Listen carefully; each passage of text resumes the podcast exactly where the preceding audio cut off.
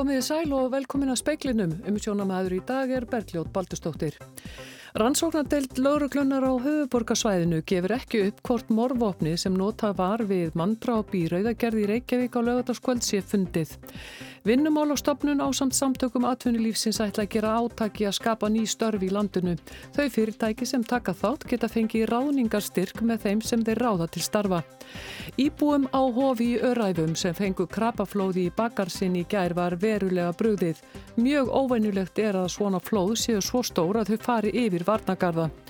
Dómari í Suður Afríku vill láta fangelsa fyrirverandi fósetta landsins fyrir að vannvirða réttin og aðeins hafa fengist niðurstöður úr 10% þeirra leghálsína sem send hafa verið til Danmörkur síðan heilsugjæsla höfuborgarsvæðisins tók við skimun af krabbaminsfélaginu. Margeir Sveinsson hjá miðlægri rannsóknardeild lauruglunar á höfuborgarsvæðinu vill ekki tjá sig um hvort morðvop sem notað var við mandráp í Rauðagerði í Reykjavík á lögataskvöld sé fundið. Kartmaður á færtusaldri af erlendum uppuruna hefur verið úrskurðaður í gæsluvarðhald fram á föstudag. Já, við hérna höfum lagt algjörna fólk að gá þetta mál og, og hérna beitum, beitum öllum þeir úrræðu sem við getum um heimildir til og er það staðfest að, að við komum til lést af skotsárum? Já, ég get staðfest að svo hafi verið. Hefur byssan fundist? Ég get ekki tjá mig um það. Er vita hvernig byssa þetta er? Ég heldur ekki tjá mig um það. Lögregla vinnur nú úr upplýsingum sem Margeir segir að berist úr ýmsum áttum sem og upptökum eftirlitsmyndavila. Það hefur verið sögur um að þessi uppgjör í undir heiminum. Óttist því það verði einhvers konar eitthvað hemdi eða eitthvað viðbröð við, við þessar árás? Ég get ekkert sagt til um það. Bara, þetta er bara eitt af því sem við erum að skoða. Og þetta var Margeir Sveinsson og það var Haugur Holm sem talaði við hann. 190.000 manns verða bólusett hér á landi fyrir lok júni, gangi áallanir heilbreyðisráðunetisins eftir. Um 6.000 Íslendingar verða bólusettir í þessari viku. Mestu munar um nýjan samning Evrópusambandsins um bóluefni fyrir 25 til 30.000 manns á öðrum ársfjörungi að því er segir í tilkynningu frá heilbreyðisráðunetinu. Það er til viðbótar við fyrri samninga. Þá er aðgert að undirritaður verði samningur um meira bólefni frá Pfizer fyrir lok þessarar viku á grundvelli nýs samnings Evrópusambandsins. Gert er ráð fyrir að hægt verða bólusetja tæplega 190.000 manns hér á landi fyrir lok júni. Rúmlega 280.000 manns verður bóðinn bólusetning. Það eru allir landsmenn sem hafa náð 16 ára aldri. Bóluefni Pfizer, AstraZeneca og Moderna hafa fengið leifi hér á landi. Fjórða bóluefnið frá Janssen færað öllum líkjundum markaðsleifi í næsta mánuði og er verið að meta tvö önnur bóluefni hjá Livjastofnun Evrópu. Tæplega 6.000 Íslendingar verða bólusettir í þessari viku. 4.600 aldraðir ljúka bólusetningu sinni þegar þeir fá setni spröytu af Pfizer bóluefni. 1.300 heilbriðstarfsmenn fá fyrir spröytuna frá Moderna og 2.400 starfsmenn á hjúgrunar og dvalarheimilum verða bólusettir með bóluefni AstraZeneca. Þetta er einn mesti fjöldi sem bólusettur hefur verið á einni viku frá því að bólusetning gegn COVID-19 hófst hér á landi. Tæplega 6.000 manns hafa lokið bólusetningu samkvæmt upplýsingum á vefnum covid.is. Dagni Hulda Erlendstóttir saði frá. Brynja Kristjánsdóttir á hofi í Öræfum sem fekk að krapa flóði í bakgarðin sinn í gær segir að henni hafi verið mjög brugðið og óvenjulegt að flóð séu svona stór að þau fari yfir varnargarða. Fjölmarkar tilkynningar um ofanflóð á Östurlandi hafa borist veðurstofunni undan farin sólaring. Já, þetta var talsett flóð og, og kom bara mjög ótrúlega nálagt húsinu en það er samt varnargarður sem að, það hefur samt náða að fara yfir hann sko bara svona eins og, virkar eins og drulla en með krapa inni og þetta er bara stór tré með rótum og stóri steinar sem að liggja hér eftir. Brynja og maðurinn hennar örðu vör við flóðið þegar það fjallum klukkan 6 í gerkvöld. Hún segir að tjónið sé lítið, helst á gyrðingu. Já, það heyrðist svona ykkur, ykkur skonar kallur sem að maðurinn minn heyrði nú meira heldur en ég og þá þauðum við út og það var ekki það náði ekki að fara í húsi það fór á snúrustöyrana hjá mér en þeir halda nú ennþá Hefur þú séð svona áður á þessu svæði? Nei, ég hef ekki séð svona Ég hef séð svona meiri, meiri auðslóð þau hafa komið og komið vetur En þetta var eitthvað óvinni mikið. Þetta var okkur var allavega brjóðið að við sofum ekki heima í nótt. Vitaður um snjóflóð sem hafa fallið síðasta sólarhingin á Fagradal, Eskifyrði, Norrfyrði, Seyðisfyrði, Fljótsdal og Vopnafyrði. Þá hafa fallið kræpaflóð í Örafasveit, Foskusfyrði, Reyðarfyrði, Seyðisfyrði og Skriðdal. Eitthvað er um tjón og lokuðust vegir tímabundið til dæmis á Borgafyrði Eistra, Foskusfyrði og Fagradal. Hólfröðdagni Fríðjónsdóttir tók saman og rætti við Brynju Kristjánsdóttur. Forstjóri hilsugæslunar á höfuborgarsvæðinu Óskar Skýringa frá Danmörku á seinagangi við úrvinnslu leghálsína. Aðeins hafa borist niðurstöður úr um 10% þeirra sína sem sendt hafa verið út frá því hilsugæslan tók við skimun fyrir krabbamein í leghálsum áramótin. Óskar Reykdalsson, forstjóri hilsugæslunar, segir að úrvinnsla leghálsínana hafi ekki gengið sem skildi í Damörku og engar skýringar fengist á seinaganginum hinga til. Hann á fund með dönum í fyrramálið. Sankvæmt upplýsingum frá Krabbaminsfélagi Íslands hafa fjölmarkar konur haft samband við félagið og líst áhyggjum sínum að því að hafi ekki fengið niðurstöður. Markmið okkar hefur verið að stitta úrvinnslu sína þannig að við náðum því niður undir fjórar vikur en uh, það er ekki þannig núna. Við erum búin að senda upp sínin út og svörum hafa ekki borist nema rúmlega 10% sem hafa borist tilbaka og það er ofhægt. Þannig að við erum að leita skýringar á þessu í dag og, og í fyrramáli eða við fund með þeim þannig að ég vona að þetta leysist bara. Þegar þeir hafa sagt okkur að býtuminn eigi að vera tíu dagar, vinslustíminn hjá þeim tíu dagar og í mesta lagi þrjár vikur.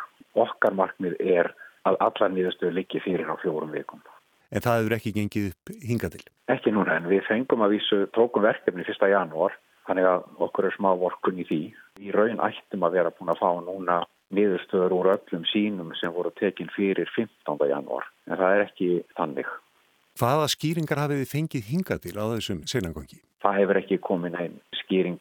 Við erum bara að vinna með þeim í þessu núna. Þetta er eitthvað svona ákveðin kannski byrjunar erfileikar en þetta verður væntanlega allt saman betri fjerill þegar að fara á líður en staðan er erfið nú og við þurfum að taka þessa stöðu bara beint í dag. Og þetta var Óskar Reykdalsson, Kristján Sigur Jónsson talaði við hann. Meiri hluti þingmann á grænlenska landstinginu vill að emtverði til kostninga meir en ári áður en kjörtímabilinu líkur. Tillaga þessa efnis verður lögð fyrir þingið sem kemur saman á morgun eftir hlýja. Stjórn Kim Kielsens misti meiri hluta sinn í síðustu viku. Kielsen misti sjálfur formannsembættið í flokki sínum síum út í nóvember. Nýjum leiðtóa Erik Jensen hefur ekki tekist að mynda nýja meiri hluta stjórn. Leiðtóar fjögur af flokka sem er í stjórnar anstöðu standað baki tilugunni um þingur og nýjar kostningar. Mútebi Egeði, leiðtói stærsta stjórnar anstöðu flokksins, Inuit Atakatikit í A, sagði í dag að ástandið væri óviðunandi og því er ekki komist hjá nýjum kostningum. Að sjók grænleiska blasins Sermitsiak er líklegast að kosi verði í lok mars en sveitastjórnarkostningar verði á Grænlandi 7. apríl. Bói Ágússon sæði frá. Jakob Zuma, fyrverandi fósetti Suður Afríku á að hættu að verða fangelsaður fyrir að hafa ekki mætt til yfirheyslu í dag. Hann þarf að svara til saka fyrir ímis spillingamál á nýju ára valdatíma tíma sínum. Stjórnlagadómstóll í Suður Afríku hvað upp þann úrskurði í síðasta mánuði að fórsetanum fyrirverandi bæri að mæta fyrir dóm og svara til saka fyrir spillingarmál sem á hann eru borin. Samkvæmt úrskurðinum á hann að koma fyrir er rétt í þessari viku. Raymond Sondo, dómari, bóðaði Suma til yfirherslu í dag en hann létt ekki sjá sig. Lögumann hans tilkynntur réttinum að hann ætlaði ekki að mæta þrátt fyrir fyrirmæli stjórnlaga domstólsins. Jakob Suma hefur krafist þess að Raymond Sondo segi sig frá málinu þar sem hann gruni dómaran um hlutitrækni í því. Einnig segir hann að ásakanir um spillingu eigi ekki við rökkað styðjast þessi runnar undan revjum pólitískra andstæðinga. Fjölmiðlar í Suður Afríku segja að þólinn meði dómarans sé á þrótum, hann ætli því að leita til stjórnlega domstólsins á ný og krefjast þess að Jakob Zuma verði fangelsaður fyrir beina óvirðingu við réttin. Zuma gengdi fórsetta ennbættinu í Suður Afríku um nýju ára skeið. Hann varð að segja af sér fyrir þreymur árum vegna sívaksandi ásakana um spillingu. Ásgeir Tómasson saði frá.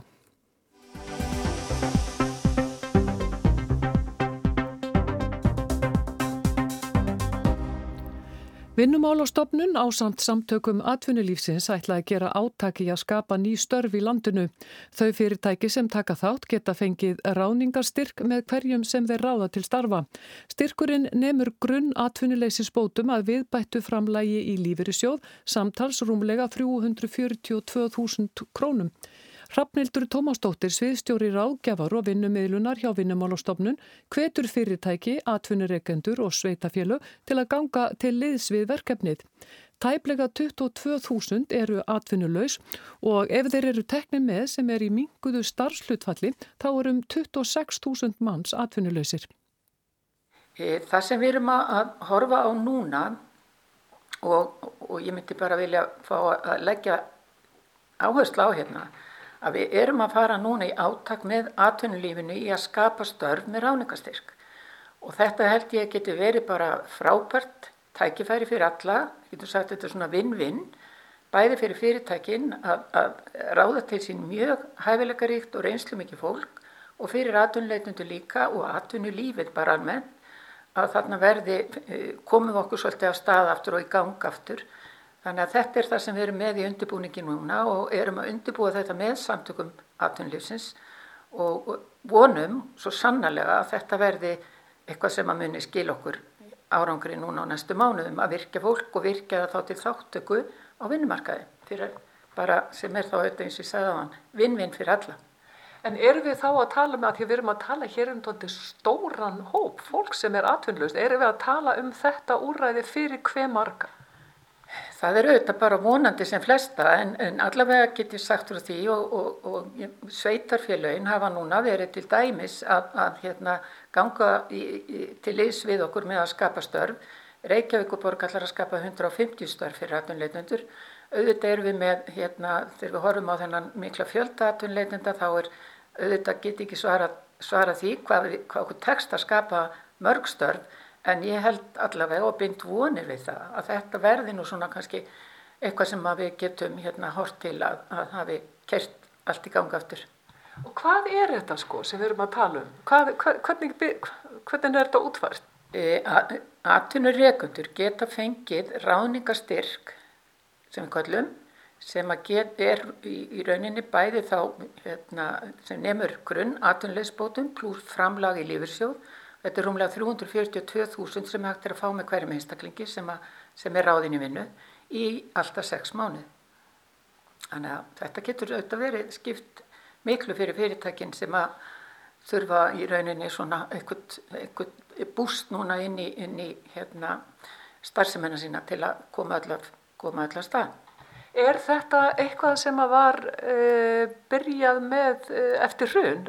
Þetta, við fórum reyndar einmitt í slíkt áttak eftir hrun sem við kallum vinnandi veg og það skilaði í rauninni bara mjög góðu, góðum árangri og ef við mann rétt þá heldum við okkur að tekist á að skapa um 1500 störf.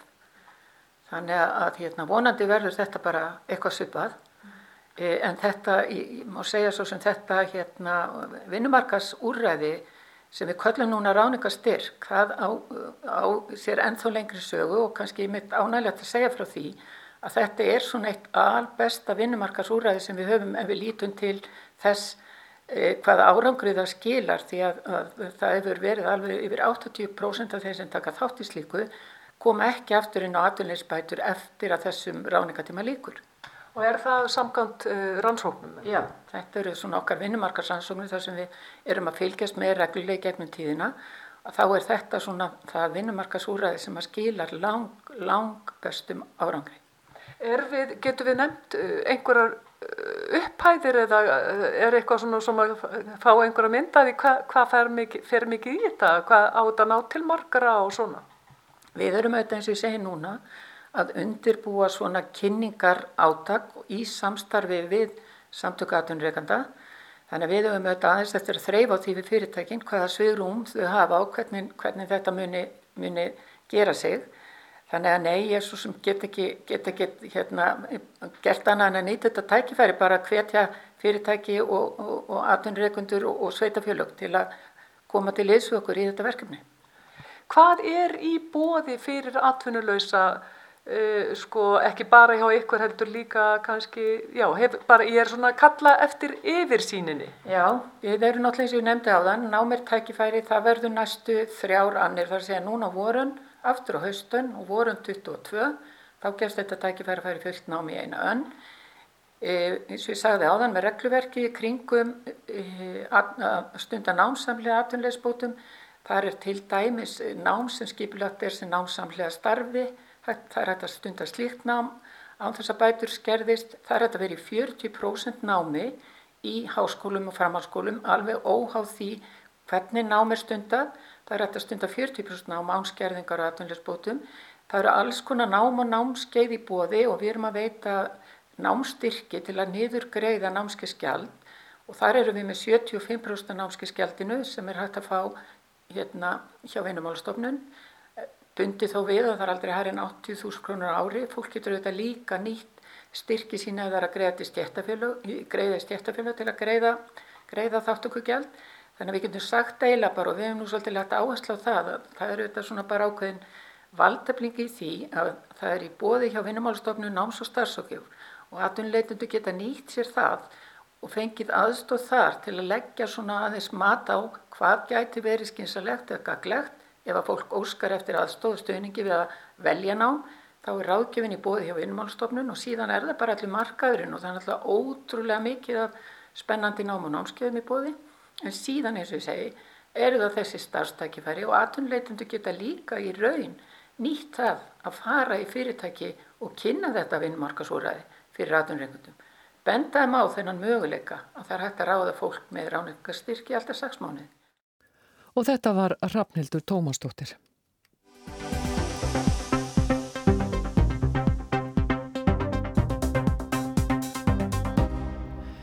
Formaður félags íslenskra atvinnuflugmanna segir að það sé korki siðferðislega rétt nýja lögum samkvæmt að segja upp fastráðnum flugmönnum í kjaradeilu til þess að þvinga þá til að gefa eftir lungan af sínum kjörum.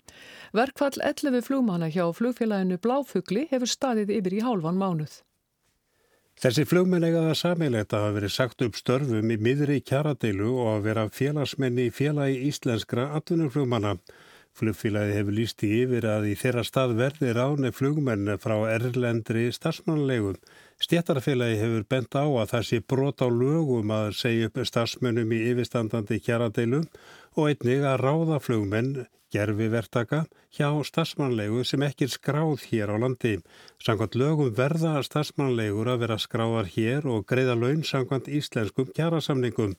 Síðasti samningafundur í kjaradeilinu var fyrir viku og nýr fundur hefur ekki verið bóðaður. Jón Þór Þorvaldsson, formaður FÍA, félags íslenskra atunuflugmanna, segir stjættulega vona á að fundur verði bóðaður í vikunni en ég verð að segja það alveg eins og er að það er langt á milli. Stéttarfélag danskra flugstarsmanna FPU stýður verkvallega flugmanna Bláfugls. Danir óttasta flugfélög, ekki síst núna á tímum COVID muni leita allra leiða til að lækka laun flugmanna og jafnvel ráða verktaka á talsvert lægri launum.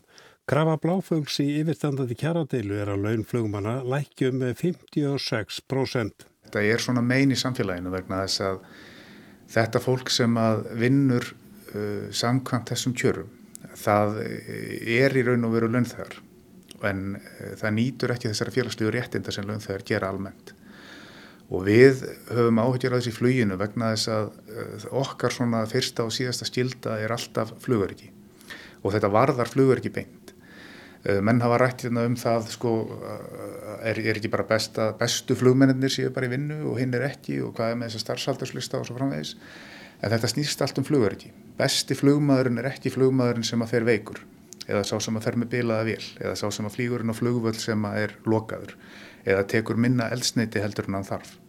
Besti flugmaðurinn er sá sem að letur flugverki ganga fyrir og letur það ganga fyrir áður en hann tekur kannski tillit til rekstarrástana vegna þess að í lókdags er það það sem að skipta máli.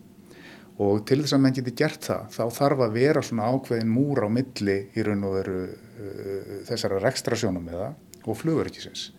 Fluguriki þarf að vera algjörlega óhreifanlegt og til þess að menn geti tekið þessar ákvarðanur sagt nei ég ætla ekki að fara með vélina í þessu ástandi eða ég ætla ekki að fljúa ef ég er veikur eða ef ég er ofta reittur til að fara að þá þarf maðurinn að vera í þessu ráningasambandi og það er það sem þetta ráðningafón býður ekki upp á. Og í þessum samningum til dæmis sem eru við þess að gerðverktaka hjá Bláfugli, að þá eru til að mynda sektar ákvæði í ráðningasamningunum på 5.000 eurur. Og menn með alveg búast við því ef þeir, ef þeir reyfa sig ekki eins og flugregandin fer fram á, þá eru þeir bara aðtunleysar á morgun. Það er ljóst að faraldrun hefur haft mikil áhrif á flugrekstur við um heim. Flugmenn saka bláfuglum að notfara sér COVID-19 til að krefjast að lægri launa. Jón Þóru segir að bláfuglu sem er vöruflutningaflugfélag njóti góðs af ástandinu. Þegar að farþegarflugið sé lamað hafi eftirspurni eftir vöruflutningum aukist hjá félögum sem engöngu starfa á því sviði. Og þessi flugfélög hafa öll, uh, haldið öllum sínum flota fljúandi eins og er raunin hjá bláfugli. Þeir eru með sex vélar rekstri og, og allar þær flugvélar eru í, eru í, í, í fullri nótkunn sem er ekki tilfellin eins og við sjáum hjá Æslandir. Þar eru við að sjá kannski tvö flug á dag sem er að fara í fartegaflugi. Frækt flugvélarnar eða, eða vörflutningavélarnar hjá Æslandir sem eru tvær, það er eins og að fljúa á fullu sko og þetta er munurinn. Það er að segja, það eru meiri vöruflutningar hjá Æslandir heldur en voru fyrir á fraktflugulunum en farþegarflugið liggur alveg í lamassessi. En er þetta að segja það að þeir sé að notfæra sér á fölskum fórsutum COVID ástandi? Já, ég ætla bara að fullera það. Það er ekkit sem að kallar á svona lagað sem verður að fara fram á núna og, og að, að, að fara fram á launalækun sem að nefnur 20% og stjerðinga á öllum félagslegum réttindum ég sé ekki hver ástæðan ætti að vera fyrir því ef það eru rekstrarerfileikar þá er sjálfsagt að taka á með fyrirtækinu eins og við höfum gert með okkur flugreikandum og, og, hérna, og við höfum bóðið það en uh, að taka veru, og segja upp öllum fastránnum flugmönnum í kjaradeilu til þess að þvinga og til þess að gefa eftir lungaða sínum kjörum það er bara siðverðilega ekki rétt og, og náttúrulega ekki lögum samkvæmt heldur. Ákverðin er bláfugs að þeir segja upp flugmönnum og ráða aðra flugminni þeirra stað frá erlendri starfsmannlegun er til skoðunar hjá vinnumálastofnunu, skattinum og samgöngustofun. Flugminn telja þetta að vera byrtingamind á félagslegum undirbúðum. Þetta er það, þetta er bara í sinni tærustu mynd er þetta félagslegt undirbúð. Bæði eru launin sem að þessum mönnum er gert að starfa eftir og eru einlega ákveðin þau eru munlægri heldur en gerist á vinnumarkaði. Uh, öll þeirra félagslegu réttindi eru ekki til staðar sem það er rætt að hafa og það er kannski verðt að minnast á það að, að sangkvæmt lögunumir 139.2005 og 45.2007 um starfsmannalegur og aðbúna uh, erlendur starfsmanna sem eru leðir hér inn að þá eiga þeir að njóta sömu kjara og gerast á vinnumarkaði hér. Það er ekki raunin og eitt svona skýrsta dæmi núna í dag er til dæmis það að þessir flugminn sem fljúa hingaðinn til keflaðugur þeim er gert að taka áhafnakvild í aðstöðu hjá Airport Associates sem er þjónustu aðeili bláfugls á keflaguflugulli í húsnaði sem er ekki heimilt að vera með gistingu og það er bara vegna þess að flugurstar aðeili segja þeim að gera það. Þetta, þetta er bara ekki ásættanlegt. Sækvæmt lögum verða starfsmannlegur eins og áður sagði að vera skráðar á Íslandi og greiða laun sangvænt íslenskum kjærasamningum Jón Þór vonast eftir því að vinnumálastofnun hveði fljóðlega upp úrskurði í málunum. Ég vona náttúrulega að þessir eftirlitsæðilar eh, sinni sínu lögböndan hlutverki og, og hérna takja á þessum málum. Það við hljótum að gera ráð fyrir því. Ef það er gerað ekki þá hljótum maður að spyrja sig hvers, hvers, hérna, hvers hverra erinda þeir gangi eða, eða, eða hver, hver tilgangur þeir að sé ef það er ekki að framfylgja lögunum sem þeir starfa eftir en ég eh, hef og við hér höfum átt góð samskipti við meðalans vinnumálastofnun og við höfum verið í samskiptum við félagsmálaráðanuti, ráðherra og ráðanuti stjóra og, og fengið mjög góða viðtöku þar og ég veit að það er verið að skoða þessi mál og auðvitað virkar stjórnkerfið kannski aðeins hægar heldur um aðra oft myndi vilja sko en ég er alveg fullviss um það að, að hérna, þetta, þetta verður skoðað og, og auðvitað verða, verður mönnum gert að starfa hér eftir lögum vegna þess að þetta er að skekja mjög líka samkeppnis aðstöðu fyrirtækja. Það er ekki eðlilegt að eitt fyrirtæki geti hafa sem er þessum hætti en öðrum fyrirtæki sem gert að, að fara eftir lögum í einu og öllu. Og við getum borðið þetta sama við flugfélag eins og Æslandir sem er að keppa við bláfugl í meðalans vöruflutningum sem er með alla sína hérna, starfsmenn sem launþega og, og, hérna, og, og greiðir á þenn skatt og skildur. Að þetta, þetta getur aldrei gengið upp í mínum huga. Og samtöku atvinnulísins uh, sitja þarna við samningaborðið og eru með samningsumbóðið fyrir hönd bláfugls og það sætir förðu að, að, að samtökinn skulir hreinlega leggja svona tilbúð á borðið. Kröfu Bláfögs um að settir í lögbána á verkfallsvörslu FIA við flugstöðu Leifs Eiríkssonar var hafnað. Flugfélagi hefur vísað málun til hérastóms. Jón Þór segir að flugmenni séu ekki með verkfallsvörslu en það sé klárlega verið að brjóta verkfallið. Já, við vorum með verkfallsvörslu 1. februar. Uh, síðan, eins og ég segi, hafa, hafa þeir haft uh, þessa verktaka innan haftasvæðisflugvendar og þeir láta þá verið nú verið að koma til Íslands og taka áhafna kvildina innan haftasvæðisflugvendar en við förum ekki þar inn og okkur hefur verið sinjað um heimil til þess að standa verkvælsvörslu uh, innan haftasvæðisins, það er að segja innan girðingar á flugvelli þannig að við erum ekki í virkri verkvælsvörslu og höfum ekki verið síðan 1. februar. En lítið á það sem svo að það sé verið að brjóta verkvallið en eh, þessi þeir séu látni gista, innan flugvallarsvæðisins til þess að þið náðu ekki í það. Já það er nákvæmlega þannig. Er bara, þetta er alveg skýrt brot á, á verkfallinu, það er verið að ganga í störf þessara manna og uh, þeir, þessi ráðstöfun er, er engungu til þess að það sé ekki hægt að standa verkfallsvörslu. Og þetta var Jón Þór. Þorvaldsson, Arnar Páll Haugsson talaði við hann.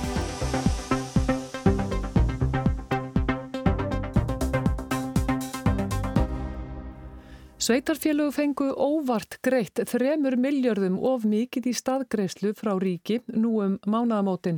Í desember fengu þau líka þrjá miljarda sem þau áttu að fá en vissu ekki af.